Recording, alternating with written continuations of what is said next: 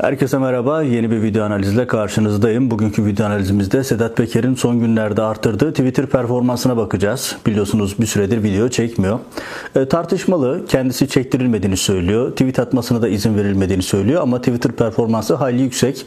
E, uzun seriler yapıyor. Bu seriler içerisinde özellikle dikkatimizi çeken, herkesin de dikkatini çekmesi gereken bir bölüm var. Korku iklimi oluşturma meselesi korku koalisyonu ya da bir başka ifadeyle Sedat Peker'in kendi ifadesiyle mahrem odalarda görüşen bir takım yapılan bir takım kirli planlar. Sedat Peker ucunu açtı. Sedat'tan bahsetti. Nevzat Arhan'dan bahsetti. Adnan Tanrıverdi'ye dair bir takım ipuçları verdi. Ve aslında e, kapıyı araladı. Henüz o kapının içerisine girmiş değil. Önümüzdeki dönemde bir takım ifşaatlar yapar mı? O ifşaatlar, itiraflar, o mahrem odalarda ne tür kirli pazarlıkların yapıldığını, halka korku salmak için ne tür kanlı planların, programların, işkencecilerin e, hayata geçtiği, o mahrem odalardaki toplantılara kimlerin katıldığı, hatta o konsorsiyumun içerisinde kimlerin olduğunu belki açıklar. Şimdilik Bunlara dair sadece Adnan Tanrı verdi ve Nevzat Tarhan'ın ismini veriyor. E, bu da önemli. Yani diğer açıklayacakları da mutlaka önemli ama şu ana kadar açıkladıkları da çok önemli. Çünkü Sadat meselesi yani hakkında bilinen şeyler var ama bilinenin ötesinde nüfuz alanı itibariyle, etki alanı itibariyle son derece karanlık bir yapı görünüşte bir güvenlik şirketi, bir danışmanlık şirketi ama 15 Temmuz'un icrası, 15 Temmuz'dan sonra yapılan bir takım icraatların hayata geçirilmesi, Libya'da, Suriye'de yapılan işlerin, Azerbaycan'da yapılan bir takım işlerin hayata geçirilmesi ve özellikle de paramiliter yapıların oluşturulması, bu paramiliter yapıların silahlandırılması, bunların eğitilmesi konularında çok ciddi faaliyette bulunan bir yapı. Yani düşünün AKP'li belediyelerde özel harekat kursu düzenlendi. Diyeceksin ne alakası var? Yani bir belediye çöp toplama, su dağıtımı, elektrik hizmet, elektriği de onlar vermiyor gerçi. E, çöp gibi, su gibi işlerle uğraşması gereken belediye neden özel harekat kursu düzenler? Neden emekli olmuş bir takım isimler, Sadat bünyesinde olan isimler bu kursları yönetir? Neden bu isimler e, değişik isimler adı altında değişik operasyonlara imza atarlar. Bunların hepsi çok önemli. Şimdi Sedat Peker'in hatırlatalım. Sedat Peker ne diyor? Diyor ki işte e, korku atmosferi oluşturmak için hani Sedat Peker'le artık anılan ve uzun yıllar silinmeyecek bir konu var. O da nedir? E, oluk oluk kanlarını akıtacağız söyleme. Sedat Peker bunu Rize mitinginde söylemişti ilk olarak. Ekim 2015'te. E, arkasından da Barış akademisyenler için söyledi. İki yerde söyledi bunu ve buna dair artık herkesin e, kafasına yerleşti, zihninden çıkmayacak bir ifade. Oluk oluk kanlarını akıtacağız. Yani düşünün yazan, çizen, konuşan gazetecilerin, bizlerin e, yazdığımız her yazıdan, tweetten dolayı ya da kitaptan dolayı müebbet hapisle yargılandığımız bir dönemde Sedat Peker bu ifadeleri miting meydanlarında yapıyordu. Hatta iktidar destekli mitingler yapıyordu. Erdoğan'ın pankartlarını asıyordu. Erdoğan adına e, kampanyalar yürütüyordu. İl il geziyordu, mitingler yapıyordu. Resmi çakarlı arabalarla karşılanıyor ve onlarla beraber seyahat ediyordu. Erdoğan, e, Sedat Peker şimdi o koalisyona rağmen yani o koalisyonun daha doğrusu o e, oluk oluk kanlarını akıtacağız ifadesi bir korku atmosferi oluşturmak içindi diyor ve bu bir ortak hareketti diyor. Bir ortak hmm, ortak aklın ürünüydü şeklinde bir ifadesi var. Tabi şimdi burada herkesin aklına gelen çok temel bir konu var. Bu ortak fikir kimin fikri? Bu ortak kararları alanlar, Sedat Peker'in ifadesiyle önümüzdeki notların özellikle bakarak söylüyorum. Mahrem odalar mahrem odalar ifadesi, bu mahrem oda ifadesi çok önemli. Yani herkesten uzakta, kirli kapaklı işlerin çevrildiği, dinlenmeyen, izlenmeyen odalarda yapılan, kan dökmek üzerine yapılan planlardan bahsediyor Sedat Peker. Ve buralarda kimlerin olduğu, dediğim gibi henüz açıklanmış değil. Sedat Peker sadece Adnan Tanrıverdi'nin adını verdi. Ama şimdi Sedat Peker'in üzerine düşen bir sorumluluk var. Burada o mahrem odalarda, sizin çok söylediğiniz mahrem odalarda ortak fikir olarak çıkan, ortak hareket olarak planlanmış olarak bir nevi koalisyon olarak yapılan e, kirli kapaklı işlerde kimler vardı? Sedat Peker bunları açıklayacak mı? Ya da neden açıklamıyor? Soralım neden açıklamıyor? Çünkü Sedat Peker'in hala bir beklentisi mi var? Çünkü sonuçta Sedat Peker Türkiye'den uzakta, Türkiye'li işte hatta bugünlerde hakkında açılmış yeni davalar da var. E, hatta kendisi Twitter'da e, bir e, seri yapmış. Ben ezik miyim? Niye bana bir tane müebbet istiyorsunuz diye. Haklı bir soru. Yani ben gazeteci olarak yazdığım kitaplardan dolayı 3 müebbet ve onlarca yıl hapis cezası alıyorken Sedat Peker'e sadece bir müebbet istemek hani ayıp olmuş diyelim. Hani işin mizahı noktasındayım tabii. Şimdi Sedat Peker'in mahrem odalarına geri dönelim. Şimdi elimizde ne var? Şimdi o dönemi hatırlayalım. Erdoğan rejimi iktidarı kaybetmiş ve Türkiye Kasım seçimlerine götürülüyor ve Türkiye'de kan gövdeyi götürüyor. Neler olduğunu hatırlatalım ee, bu kirli koalisyon daha doğrusu bu korku atmosferi oluşturma. Korku atmosferi nedir? Korku atmosferi niye oluşturulmak ister? Bu tarih boyunca da hep böyledir. Yani e, çok eski tarihlere kadar gider korkunun politik bir silah olarak kullanılması meselesi. Hobbes'a kadar uzatılabilir bu korkunun e, silah olarak kullanılması meselesi ve e, tarihsel örnekleri de çoktur dediğim gibi. Korku anlaşılabilir bir şey. Hatta siyaset biliminde literatüre girmiş bir konudur. Savaşlar, çatışmalar ya da e, olağanüstü haller her zaman iktidardaki partinin işine yarar.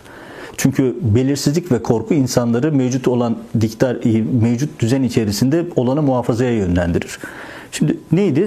Erdoğan rejimi iktidarı kaybediyor ve Kasım'a kadar orada düzenlenen e, o dönemde yapılan çok önemli e, bir süreç var ve bu süreçte korku zirveye çıkması gerekiyor ki Türkiye'de tekrar Erdoğan rejimi iktidarını muhafaza etsin, korusun ki nitekim öyle de oldu. Neler oldu hatırlayalım. Ankara Kargatlimanı'ndan başlayın. İstanbul Havalimanı'ndaki işit saldırısı korkunç bir saldırıydı. İstanbul'da yine e, Sultanahmet Meydanı'ndaki saldırı, e, yine Veznedar'daki saldırı, Veznecilerdeki pardon, e, Vodafone Arena'daki saldırıyı hatırlayın. Suruç katliamını hatırlayın. Ankara'daki Gar ve Ankara Merasim Sokak'takini hatırlayın. 15 Temmuz'a kadar giden süreçte Türkiye'de kan gövdeyi götürdü her gün büyük çatışmalar oluyordu. Hatta 15 Temmuz'a hazırlanırken Türkiye biliyorsunuz 15 Temmuz ifadelerini ki binlerce sayfayı okudum. E, iki tane temel parametre vardı askerler arasından. Bir tanesi emir komuta içerisinde terörle mücadele operasyonuna çıktığını sanarak çıkıyordu. Yani terörle mücadele. Çünkü herkes diken üstünde. Servisler değiştirilmiş, e, olağanüstü tedbirler konmuş. İşte Ankara'da Genelkurmay'ın yanında bombalar patlamış, ortalık kan gövdeyi götürmüş. E, İstanbul Havalimanı'ndaki saldırıyı düşünün, e, İstanbul'un göbeğindeki saldırıları düşünün, Ankara'dakileri düşünün. Öyle bir atmosfer ki herkes çok çabuk bir şekilde bir yere kanalize edilebiliyor. İşte korku atmosferi bu yüzden çok önemliydi. Şimdi Sedat Peker'in açıklaması gereken bir şey var. O Mahrem odalarda kimler hangi toplantıları yaptı? O mahrem odalar kimlerin talimatıyla kuruldu? Gelin akıl yürütelim, sorular soralım. Mesela yaşadığımız olaylardan hareketle, çünkü bazılarını biz e, şeylerden biliyoruz, dava dosyalarından biliyoruz. Nereden biliyoruz? Çünkü ifadeleri okuduğunuz zaman, iddianameleri, bilirkişi raporlarını, mütalaları okuduğunuz zaman bir şeyleri görebiliyorsunuz. Ne gibi görebiliyorsunuz? Şimdi detaylarına gireyim. Mesela bu e, Sedat Peker'e sorulması gereken Temel soru şu. Ha, bu arada bir parantez daha açayım. Sedat Peker beni teyit eden bir e, açıklama daha yapmış bu tweetlerde. Neydi? Ben birkaç önce yaptığım bir videoda Sedat Peker'in e, Suriye'de yapılan illegal işlerin özellikle Suriye'ye gönderilen silahlar meselesini Sedat Peker'in üzerine yıkılacağını ve rejimin kendini elini yıkayarak çıkacağını ve bu işin üzerinde ya biz yapmadık bunu Sedat Peker yaptı. Bizim haberimiz bile yok deyip çıkacaklarını söylemiştim. Sedat Peker son tweetlerinde bunu böyle olacağını anlatmış. Biraz geriden geliyor ama e, onda teyit etmiş olması aslında önemli. E, yani Sedat Peker'in üzerine yıkıp oradan da çıkacaklar Suriye'de çevirdikleri işleri. Çünkü uluslararası arenada Erdoğan rejiminin başını çok ağrıtacak Suriye'de yapılan yapılan işler, insanlığa karşı suçlar, savaş suçları, sınır ötesi suçlar e, çok ciddi bir problem. Erdoğan rejiminin başını çok ağrıtacak bir konu. Şimdi buradan tekrar geriye dönelim. Şimdi acaba Tayyip abisi bu mahrem odalardaki toplantıların neresindeydi? Çok önemli. Erdoğan diyor, şey Sedat Peker hep söylüyor Tayyip abi, Tayyip abi. ve Tayyip abi neresindeydi bunun? Çünkü temel amaç Erdoğan rejimini muhafaza etmek ve Erdoğan rejiminin önümüzdeki seçim yani o dönemki seçimlerde tekrar başarılı olmasını sağlamaksa Tayyip abinin bu işin içerisinde olması kaçınılmaz. Şimdi bunun hangi ayakları var? Şimdi ben size yolları çizeceğim. Birkaç isim söyleyeceğim. Bu isimlerin sayısını arttırmak mümkün. Daha detaylara indiğiniz zaman yeni isimler görürsünüz. Ama ben bir resim yapacağım. Şimdi bir tanesi şu. Tayyip abi, Erdoğan, er, Sedat Peker'in tabiriyle Tayyip abi bu işin olmazsa olmazı. Çünkü verin 400'ü huzur içerisinde bu iş çözülsün diyen oydu. Peki altında alt başlıklar açalım. Mesela TSK boyutunda kimler vardı? Soralım. istihbarat boyutunda kimler vardı? MİT boyutunda, medya boyutunda kimler vardı? Yargı boyutunda kimler vardı?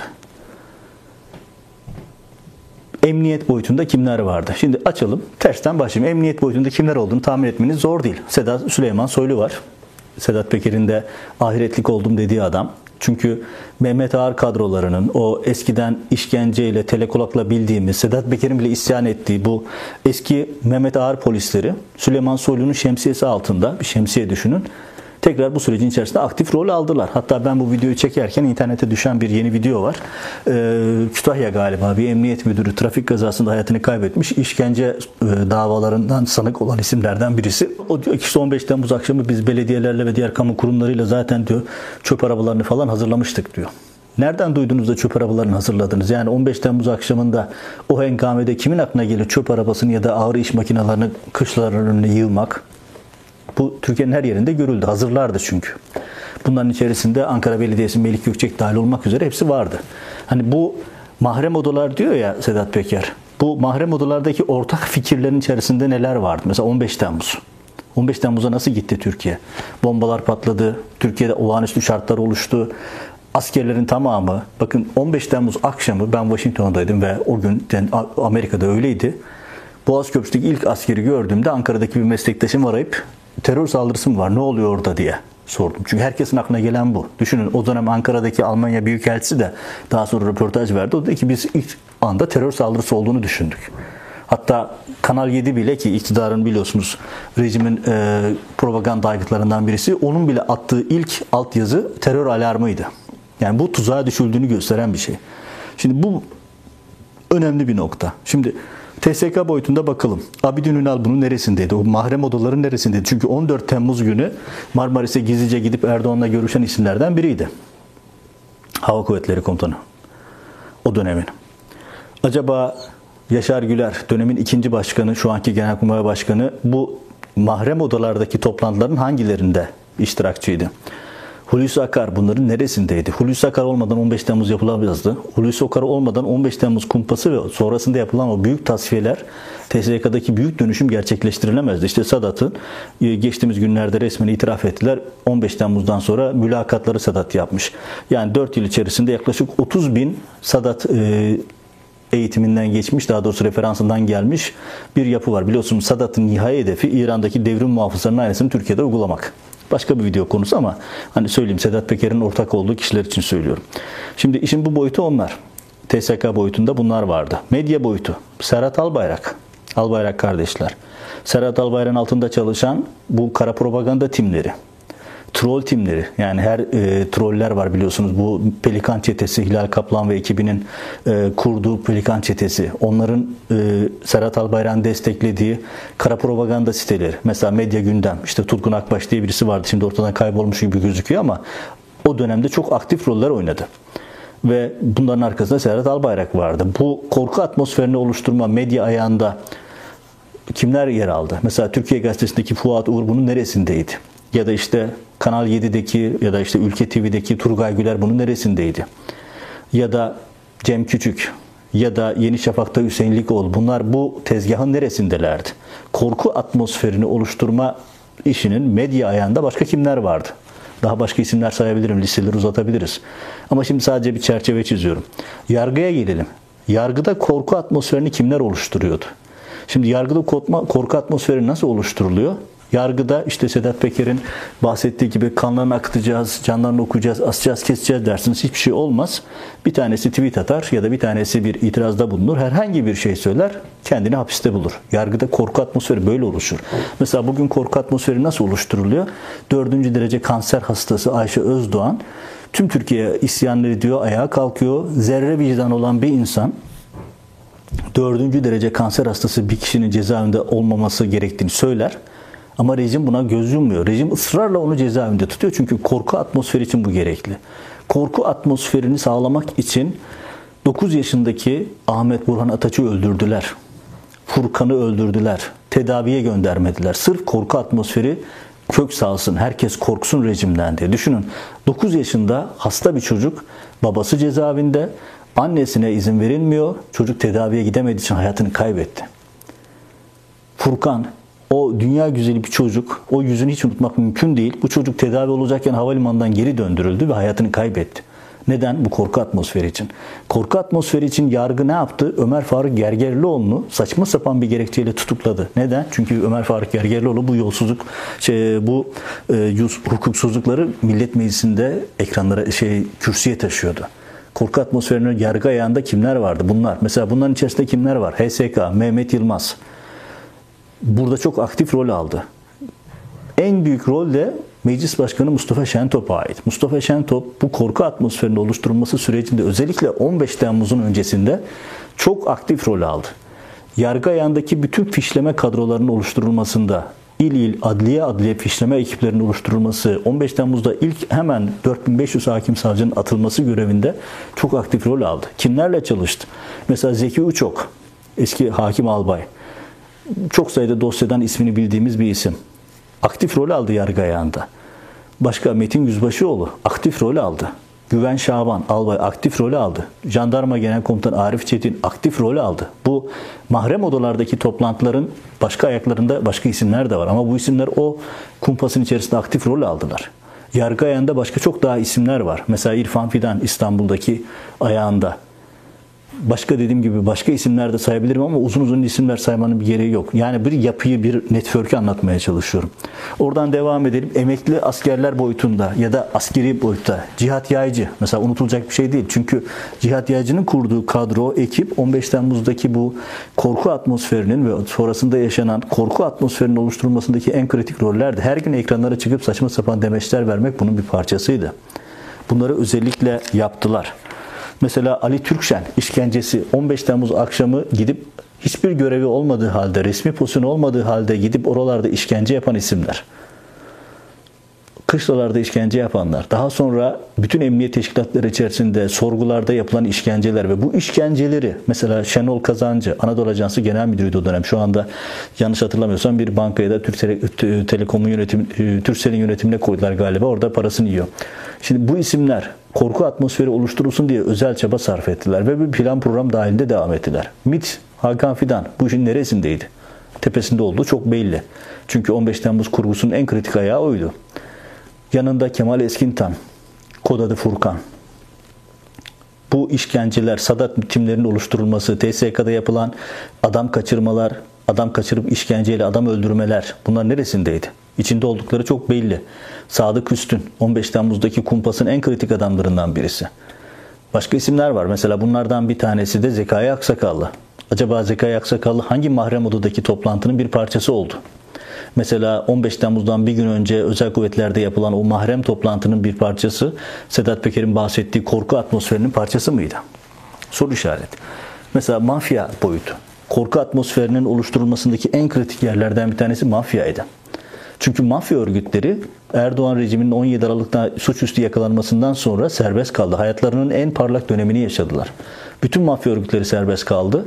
Bütün suç örgütleri tekrar iktidara geldiler. Türkiye'nin her yerinde suç örgütleri en parlak dönemlerini yaşadılar. Suç örgütü liderleri e, miting meydanlarında çıktılar, mitingler yaptılar, ekranlara çıktılar, e, iktidar adına korku saymaya saydılar. Ya düşünün oluk oluk kan akıtacağız, işte idam şeyini dar ağaçları kuracağız vesaire deyip sonra sağda solda kurşunlamalar, yaralamalar, tehditler, gazetecilere tehditler şunlar bunlar. Yani hiç işte İktidar Partisi'nin e, gençlik kolları işte Metin Külünkler mesela bu mahrem odaları neresinde?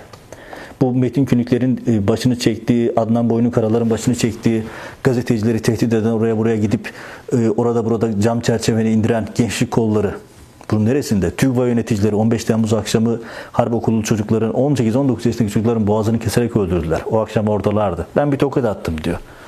Tabi yerseniz yani nasıl tokat attıysa görüntülerde neler oldu zaten belli. Çünkü otopsi raporlarında açıkça bu çocukların boğazının kesilerek orada öldürüldüğü yazıyor zaten. Şimdi bu Sedat Peker'in bahsettiği korku atmosferini oluşturmak ki biz o korku atmosferini yaşadık. Yıllardır yaşıyoruz, yaşamaya devam ediyoruz. Çünkü o dönemi düşünün her gün terör saldırıları artmış, her yerde şiddet kol geziyor. Gazeteciler saldırıyor uğruyor, siyasiler saldırıyor uğruyor. Düşünün Kemal Kılıçdaroğlu ölümden dönüyor. Meral Akşener tehdit ediliyor. Bizzat Erdoğan tarafından. Rize'deki işte Rize'nin gelini meselesinde hatırlayın.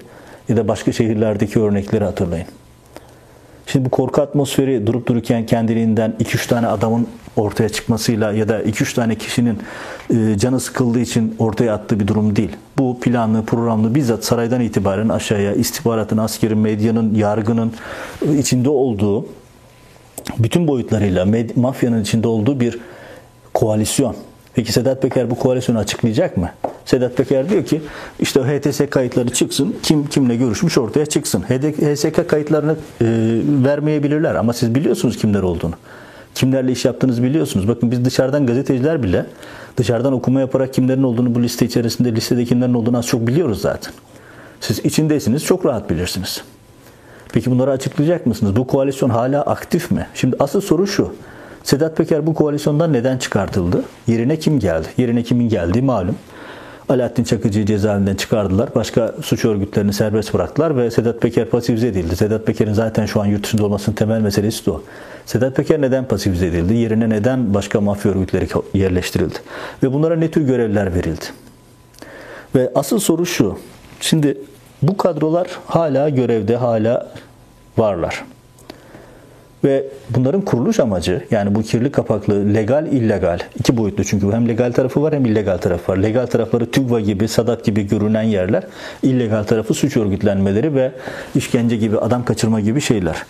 Şimdi daha önce IŞİD'i kullandılar. Mesela IŞİD bu konuda işte Avrupa Birliği'nin geçtiğimiz günlerde tekrar gündem olan bir raporu var. Ankara'daki gar saldırısında IŞİD'in kullanıldığına dair, emniyetin, istihbaratın göz yumduğuna dair çok önemli veriler var. IŞİD'i sınır ötesi işlerde kullandılar, Türkiye içinde kullandılar vesaire. Şimdi IŞİD gitti, başka ne kullanacaklar? Kürtlere karşı başka örgütler mi getirecekler? Kimleri kullanacaklar? Bu önemli bir soru işareti.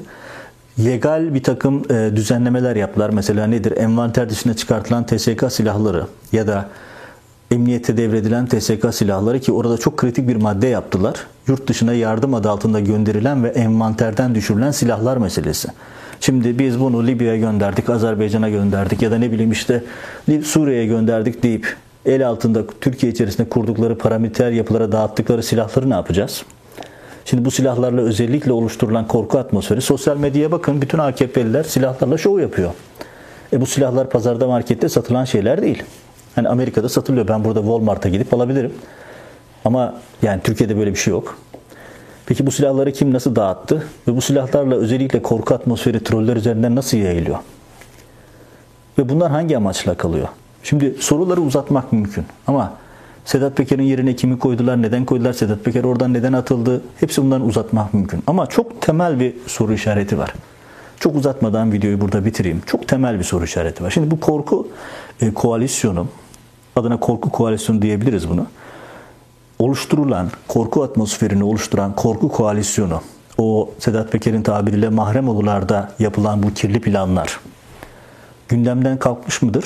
Bence kalkmamıştır. Çünkü hepsi Erdoğan iktidarı için kurulan şeylerdi. Erdoğan'la birlikte Ergenekon'un, derin devletin adına ne derseniz deyin bu kirli yapıların yaptığı işbirliği devam ediyor. Ve şimdi biz seçim atmosferine girdik. Türkiye önümüzde bir seçim atmosferi var. Siyasi suikastler tartışmaları var. Ve Türkiye bir seçim atmosferine girerken ve önümüzde bir seçim olduğu da tartışmasız. Şimdi bu ortamda acaba ne yapacaklar? Bu ekipler, bu örgütlenen, devleti de arkasına alıp her türlü illegal e, pozisyonu da sağlayan bu yapılanmalar acaba seçime giderken neler yapacaklar?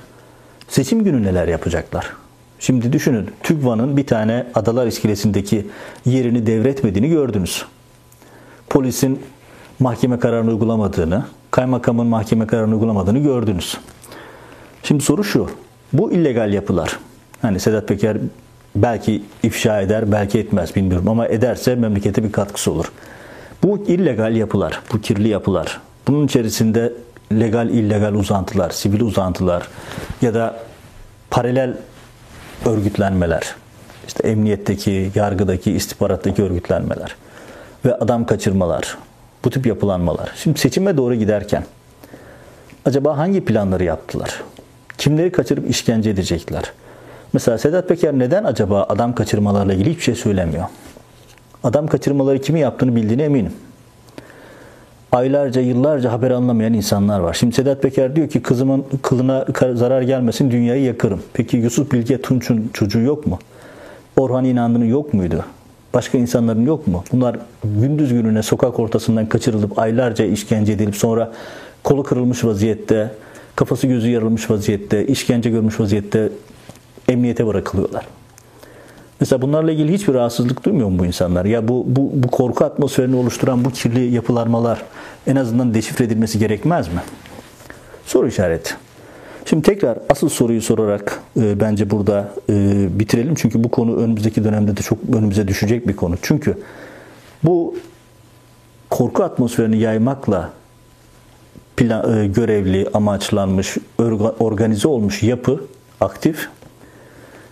Devleti arkasına aldı. Hiçbir hukuk tanımıyor. Hiçbir ahlaki ya da moral değeri yok. İşte Ayşe Özdoğan cezaevinde tutulması gibi, Ömer Faruk Gergerlioğlu'nun tutuklanması gibi adam kaçırmalarla göstere göstere hatta bunu TRT dizilerinde göstererek, şov yaparak nasıl adam kaçırdıklarını övünerek anlatan insanlar bunlar. Ve bunlarla nereye hazırlanıyorlar? Türkiye bir seçim atmosferinde, önümüzde bir seçim var. Seçime giderken neler yapacaklar ve seçim günü ne yapacaklar? Bakın muhalefetin anlaması gereken bir şey var. Seçimi sadece sandıkta oy kullananlar belirlemiyor. Oyu kazanan, şey oyu sayanlar da belirliyor. Oyu sayarlarken neler yapacaklar? Diyelim ki sandıktan Erdoğan'ın istemediği bu korku koalisyonunun taraflarının istemediği bir şeyler çıktı ya da çıkma emareleri var. Bugün neler yapacaklar? Bence asıl sorulması gereken konular bunlar. Ve eğer Sedat Peker hani diyor ya bu ülke için aleyhine konuşamam ya da bu ülke aleyhine e, ifade vermem falan. Herhalde bu ülkeyi biraz seviyorsa bu korku koalisyonunu da açıklar. Çünkü onu ondan daha iyi bilen çok az kişi vardır. O koalisyonun bir parçasıydı çünkü. Kendisine bu talimatları, bu e, korkutma, bu kan dökme demeçlerinin talimatlarını veren kişiler hala hazırda aktif olarak çalışıyorlar. Herhalde Sedat Peker bunları açıklayarak ülkesine bir katkıda bulunmak istiyordur diye düşünüyorum. Evet bu konu yani Sedat Peker'in son dönemdeki tweetleri içerisinde videoları kadar önemli bir konuydu bu Sadat meselesi ve Sadat'la birlikte orada oluşturulan o mahrem odalar kendi ifadesiyle söylediği mahrem odalardaki e, korku atmosferi oluşturma projeleri, ortak fikirler çok önemli bir konuydu. Önümüzdeki dönemde buna dair ifşaatlarda bulunur mu? Bunları açar mı? Şimdilik bilmiyoruz ama açarsa çok önemli bir döneminde kapısı aralanmış olur. Çünkü Türkiye seçim atmosferinde seçime doğru gidiyor. Bu koalisyon, bu korku atmosferi oluşturma koalisyonu mahrem odalarda şu anda ne tür planlar yapıyorlar? Seçime doğru giderken neler yapacaklar ve en önemlisi seçim günü ne yapacaklar? Bence şu anda Türkiye'de, bu ülkede demokrasiye, hukuka inanan, bu ülkeyi seven herkesin üzerinde kafa yorması gereken çok temel bir soru. Bu şer koalisyonu seçime doğru giderken neler planlıyor ve seçim günü neler yapacak? Evet bu konu üzerinde durmaya devam edeceğiz. Önümüzdeki videolarda görüşmek üzere.